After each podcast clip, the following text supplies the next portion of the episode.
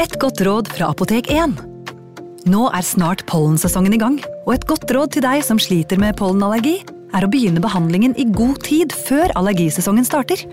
Da får du nemlig enda bedre effekt av legemidlene, og så blir ikke våren din helt ødelagt. Kom innom og få råd på ditt nærmeste Apotek 1, eller chat med oss på apotek1.no. Apotek 1 vår kunnskap, din trygghet.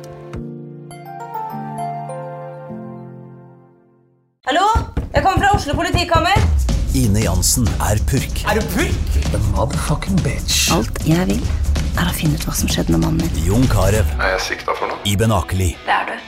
Ole So, Lars Berrum og Big Daddy Karsten. Hvem sin side er du på, egentlig? Anette Hoff, Tone Danielsen, Kommer du fra Afrika? Jørnis Josef, Nesten kløfta. Trond Espen Seim, Det er synd å si det, men det var feil mann som døde. Purk. Premiere tirsdag på TV2 Play. Ungsamtalen fra DNB er økonomisk veiledning tilpasset deg som er ung. Bokk en ungsamtale på dnb.no. slash ung. Det er kjempebra hvis du skal inn på boligmarkedet, hvis det er drømmen din, liksom. Det er det du skulle sagt. Og så kunne du ropt litt mer, da, sånn som jeg gjorde. Bam! Advarsel. Denne podkasten inneholder skildringer av ekte drap og kriminalsaker som kan være støtende for enkelte. Det advares også mot sterke inntrykk i deler av episoden. Kannibalisme har blitt dramatisert i populærkulturen i en årrekke. Ofte har det her inntatt en dypere metaforisk funksjon, samtidig som akten i seg selv kan både fascinere og samtidig skremme vettet av oss. Tidligere hadde kannibalen symbolisert frykten for det primitive, ideen om villmenn uten moral eller etisk kode, som står i kontrast til verdiene vi holder høyest i det moderne samfunn. Dette konseptet har også blitt benyttet i litteraturen, i film og helt tilbake til myter og folkeeventyr for å skape frykt, for å sjokkere eller for å illustrere et moralsk poeng. Men ideen om den sofistikerte kannibalen, personifisert gjennom Hannibal Lecter, har kanskje satt dypere spor enn noe annet. Denne sofistikerte, dannede kannibalen dreper ikke av behov. Her handler det ikke om å konsumere menneskekjøtt som et overlevelsesinstinkt, men om en dypere, ukontrollerbar lyst. Det er noe underliggende intimt og seksualisert med denne ideen om morderen som konsumerer sitt offer, samtidig som det illustrerer ideen om en person strippet for det som anses som grunnleggende menneskelig moral.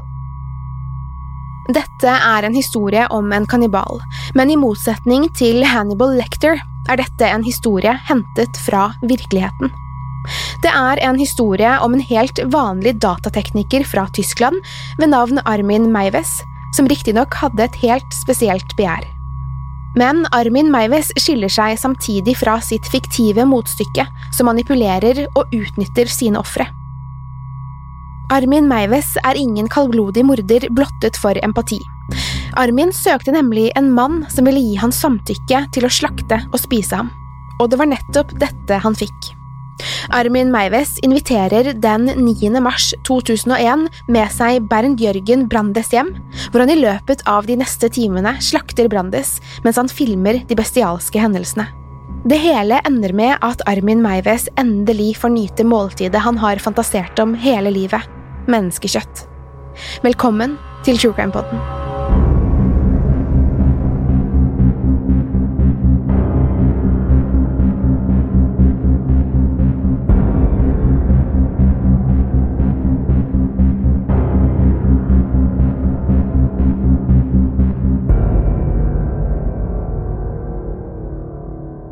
Armin Meiwes ble født den 1. desember 1960 i byen Essen i Tyskland. Meiwes hadde på overflaten en idyllisk oppvekst i landlige omgivelser i et svært gammelt herskapshus, men Armin var samtidig preget av en intens følelse av ensomhet. Han vokser opp i en liten landsby ved navn Rotenburg, der hjemmet hans er ett av bare syv hus. Faren hans var en streng mann med et kaldt ytre, som aldri viste videre kjærlighet ovenfor sønnen sin. Han forlot familien da Armin bare var åtte år, og brøt med dette kontakten for all fremtid. Rundt samme tid flytter også Armins eldre brødre ut og etterlater Armin alene med moren sin i det gigantiske huset. De mange tomme rommene, i kombinasjon med isolasjonen Armin allerede følte på, gjorde at han hele oppveksten opplevde en distanse til andre mennesker. Moren hans var veldig glad i Armin, men hun var samtidig dominerende og overbeskyttende, og ville ofte kjefte på han hvis han ikke oppførte seg. Hun var hans tetteste relasjon i store deler av livet, men sto samtidig i veien for Armin da hun stadig blandet seg inn i livet hans. Ensomheten medfører at Armin flykter inn i en fantasiverden, en verden han fyller med imaginære venner for å holde seg med selskap. Han dikter blant annet opp en bror som han ga navnet Frankie. Med Frankie delte Armin alle sine tanker og fantasier, alt han frem til nå har måttet holde for seg selv. Disse fantasirelasjonene var riktignok ikke tilstrekkelig for Armin i lengden, og han drømmer om å føle en dypere kontakt med mennesker.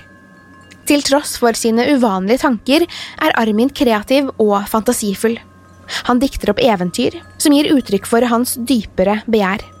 Et sentralt tema i disse eventyrene er ideen om kannibalisme, og Armin dikter opp fortellinger der han spiser andre barn. I sitt forvirrede barnesinn konstruerer han en idé om at han kan oppnå en dypere tilknytning gjennom å spise et menneske. I Armins sin innebærer dette at de han spiser, blir en del av han for alltid. En idé som til tross for å være dypt forstyrrende, også er ganske sørgelig i måten den illustrerer hvor desperat Armin var etter å ende sin ensomhet. Til tross for dette forstyrrende tankesettet ønsket ikke Meives å tvinge noen inn i dette. Det var for ham viktig at personen han skulle konsumere, villig gikk med på det. Han så ikke på seg selv som en overgriper. Det handlet ikke nødvendigvis om å føle nytelse gjennom å dominere, det var en dypere, sjelelig forbindelse der to mennesker forenes som ett. Meives beskrev dette som at personen inngikk et offer for å kunne leve videre som en del av ham. I tenårene fant Armin det vanskelig å danne dype relasjoner, særlig når det kom til potensielle romantiske forhold. Han forblir tett knyttet til moren sin, og tilbringer mesteparten av tiden sammen med henne, gjemt unna i deres store herskapshus.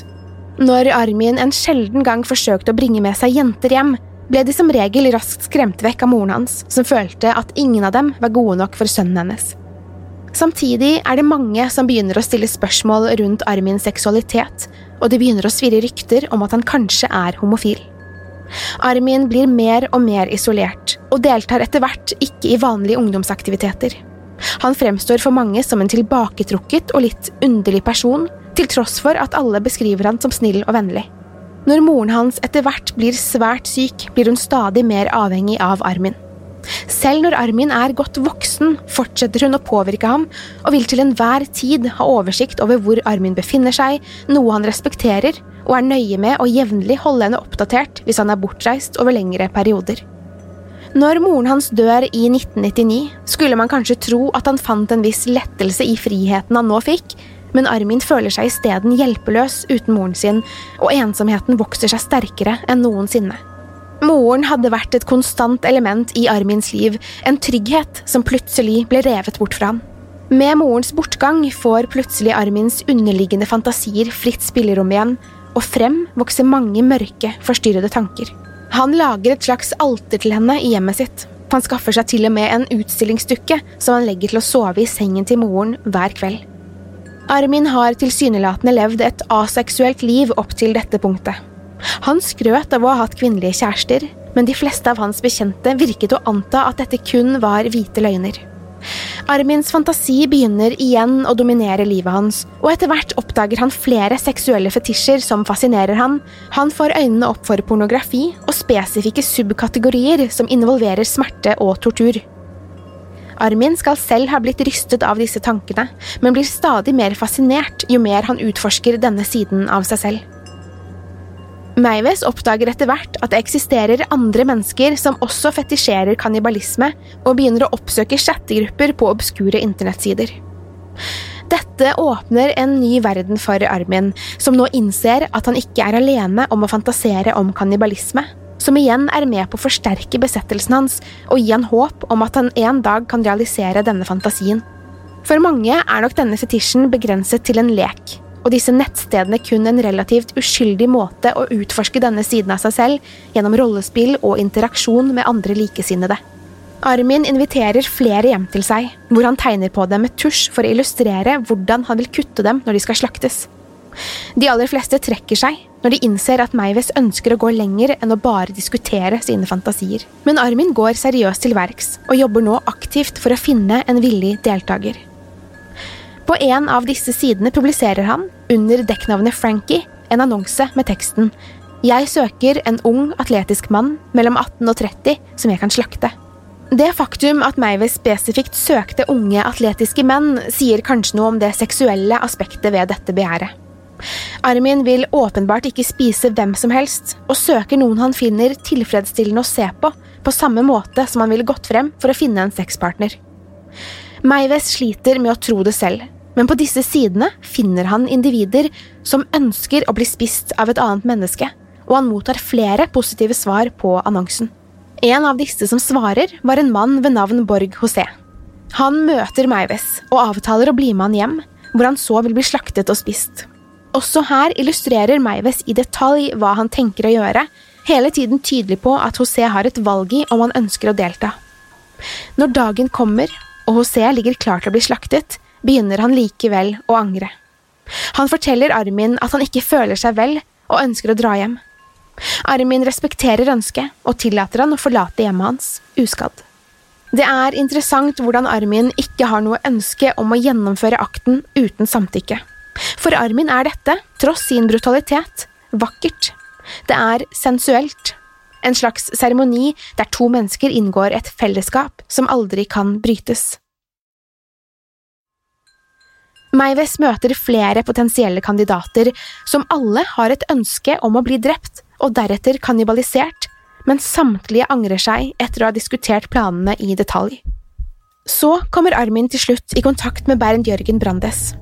Brandes var en 43 år gammel dataingeniør som selv hadde skrevet en annonse der han tilbød seg å bli spist levende av en person som virkelig ønsket det. Brandes var Meiwes perfekte motstykke. De avtaler å møtes en måned senere. Om man synes Armin Meiwes fantasi om å spise et annet menneske er vanskelig å forstå, er psykologien bak Brandes valg om å villig bli hans offer nesten ufattelig. Brandes var bifil og hadde i en periode hatt et forhold til en annen mann.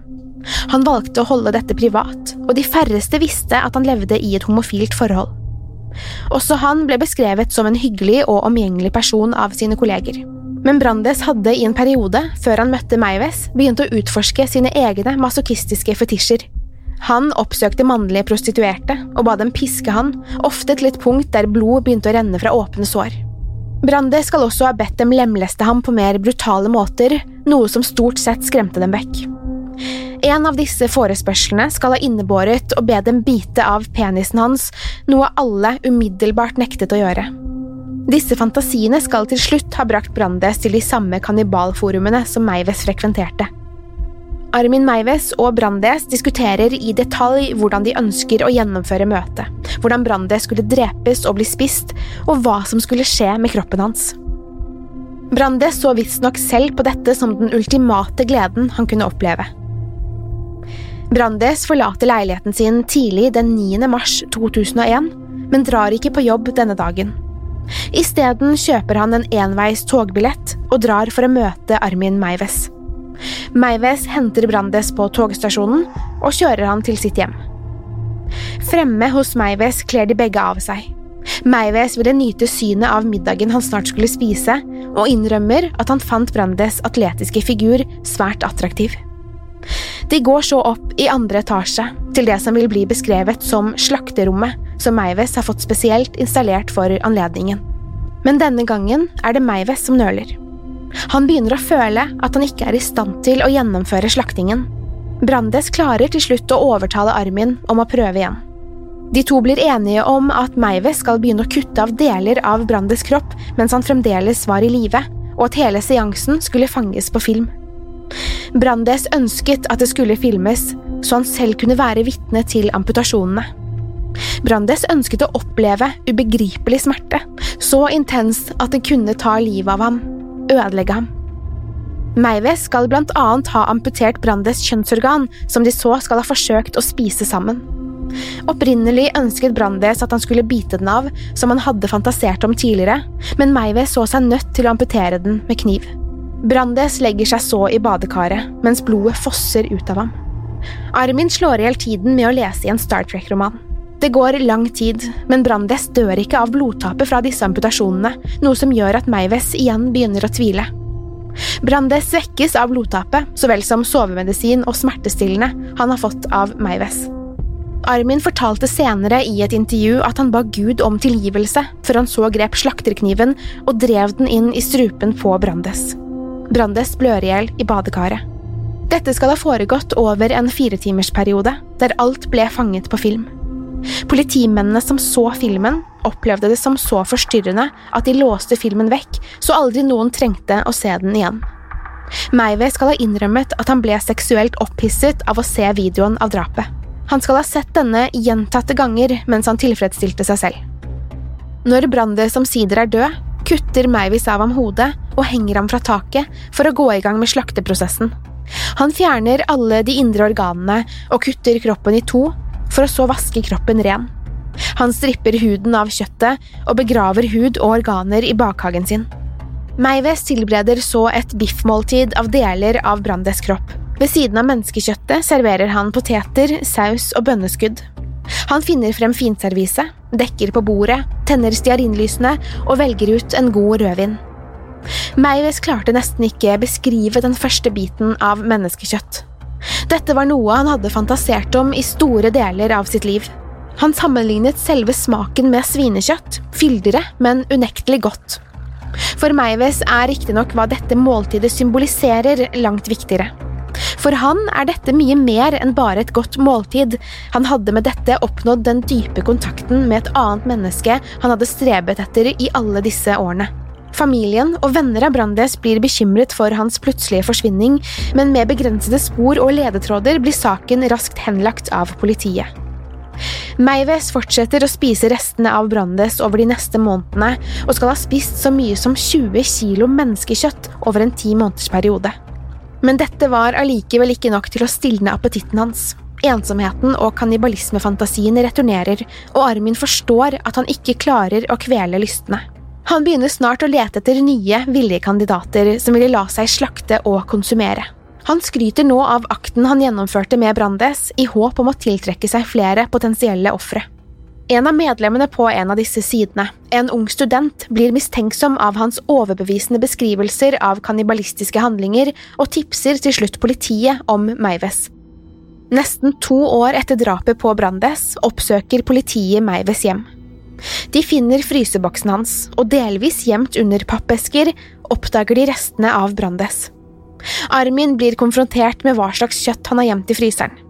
Han forsøker å forklare at det er helt vanlige dyreprodukter, men de forstår snart at dette er snakk om noe helt annet. Når sannheten er ute, er Meiwes rask til å innrømme sin skyld og åpner opp om hva han har gjort i de påfølgende avhørene. Meiwes blir funnet tilregnelig av rettspsykiaterne og blir stilt for retten for sine handlinger. Han forsøker å forklare sine lyster og beskriver at ideen om å spise et annet menneske oppsto allerede i barndommen. Armin visste selv at hans fantasier var unormale, og at det er umoralsk å ta et menneskeliv. Dette medførte at Meives på overflaten kunne fremstå som en normal og empatisk person, til tross for hans mørke, underliggende begjær. Samtidig er det lett å si at Armin åpenbart hadde sterke vrangforestillinger, og han hevdet blant annet at han hadde absorbert flere av Brandes personlige egenskaper og hans maskulinitet ved å spise han. Brandes familie blir nå konfrontert med hva som hendte med han, og de mørke og forstyrrende siste dagene av livet hans. Å lære at en man er glad i har blitt drept, vil være et sjokk for alle, men å lære at denne personen villig har gått i døden og latt seg lemleste og mutileres på det groveste, må være nesten umulig å forstå. Man sitter igjen med en følelse at man ikke vet om man kjente personen i det hele tatt, eller i det minste at denne personen har hatt en skjult side av sin personlighet som man aldri fikk innblikk i. Spørsmålet om hvorfor Brandes ville gjennomføre dette, forblir ubesvart. Han ble ikke manipulert av Meives, da dette også var Brandes fantasi. Brandes var så innstilt på å bli mutilert, slaktet og spist at han selv overtalte Meives til å gjennomføre det da han begynte å nøle. Å ønske å dø er en følelse mange kan føle på, men ønsket om å forlate verden på denne måten er noe helt unikt. Kanskje henger det sammen med et ønske om å ikke bare dø, men å slutte å eksistere fullstendig. Brandes fantasi om at noen skulle bite av ham kjønnsorganet, gir en fornemmelse av både skam, selvforakt og dyp sjelelig forvirring som vitner om en person med dype personlige problemer. Kanskje holdt det ikke for Brandes å dø. Kanskje var hans fantasi det diametrale motstykket til Armin Meiwes, et ønske om å forsvinne fra denne verden ved å bli fullstendig konsumert av et annet individ. I retten blir spørsmålet om hvorvidt Brandes samtykket til drapet svært sentralt. Det eksisterer ingen eksplisitt lov i Tyskland mot kannibalisme, og Brandes var etter alt å dømme et villig offer. Det blir derfor et viktig poeng å kartlegge om drapet var seksuelt motivert, som i så fall kunne innebære at Armin Meiwes allikevel kunne bli dømt for drapet. Retten overbevises om at drapene ikke var av seksuell natur, og Meiwes dømmes opprinnelig for uaktsomt drap, med en strafferamme på kun åtte år. Men i 2006 blir dommen omgjort til en drapsdom, og Armin Meiwes dømmes til å sone på livstid. Ironisk nok har Armin i løpet av sin tid i fengselet blitt vegetarianer. Etter hvert har Meiwes uttrykt anger for handlingene sine, og innrømmer at det han gjorde var galt. I et tilfelle av at livet imiterer kunsten, har Meiwes, ikke ulikt Hannibal Lecter, etter sin dom hjulpet politiet i etterforskningen av to tilsynelatende kannibalistiske drap på to unge gutter. Armin Meiwes var ingen voldelig mann. Alle som kjente han, beskrev han som snill, vennlig og høflig, ja, nesten for forsiktig. Det som er mest urovekkende med Armin Meiwes, er nettopp dette, at ingen så noen tegn til det mørke begjæret som hvilte under overflaten. Meiwes valgte seg riktignok ikke ut et tilfeldig offer, og var dermed kanskje ikke en like stor trussel som en som dreper utelukkende for gleden av å ta et liv. Meiwes kan dermed ikke sammenlignes med andre kjente kannibalistiske mordere, som Jeffrey Dahmer, som søkte ut tilfeldige ofre som han brutaliserte og utnyttet seksuelt, i tillegg til å kannibalisere kroppene deres. Men hva hadde hendt dersom Armin aldri hadde blitt arrestert, hva om lystene hans hadde blitt utemmelige og han ikke fant et nytt frivillig offer? For hvor mange andre er det egentlig der ute som Bent Brandes, som frivillig lar seg slaktes for både egen og andres nytelse? En annen skummel tanke er ideen om at det eksisterer andre mennesker der ute som fetisjerer kannibalisme. Meiwes antok selv at det eksisterte omtrent 800 kannibaler i Tyskland. Hvor mange av disse som faktisk handlet på sine fantasier, er umulig å vite. Men det er samtidig vanskelig å se for seg at Armin Meiwes og Bernt Brandes var de eneste som faktisk ønsket å sette fantasiene sine til live. Naboene til Armin Meiwes ante frem til hans arrestasjon ingenting om hva som foregikk hjemme hans.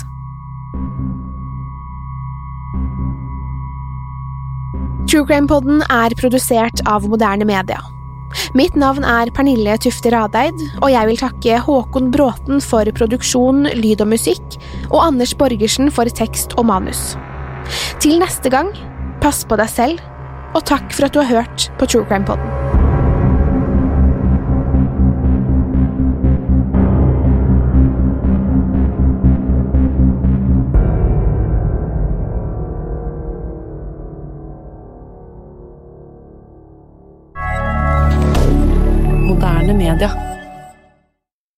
Har du et enkeltpersonforetak eller en liten bedrift? Da er du sikkert lei av å høre meg snakke om hvor enkelt det er med kvitteringer og bilag i fiken, så vi eh, gir oss her, vi. Fordi vi liker enkelt. Fiken superenkelt regnskap.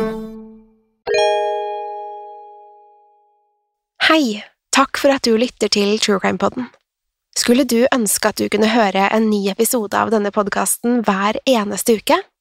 Vel, da er det bare å laste ned podkastappen Untold med en gang.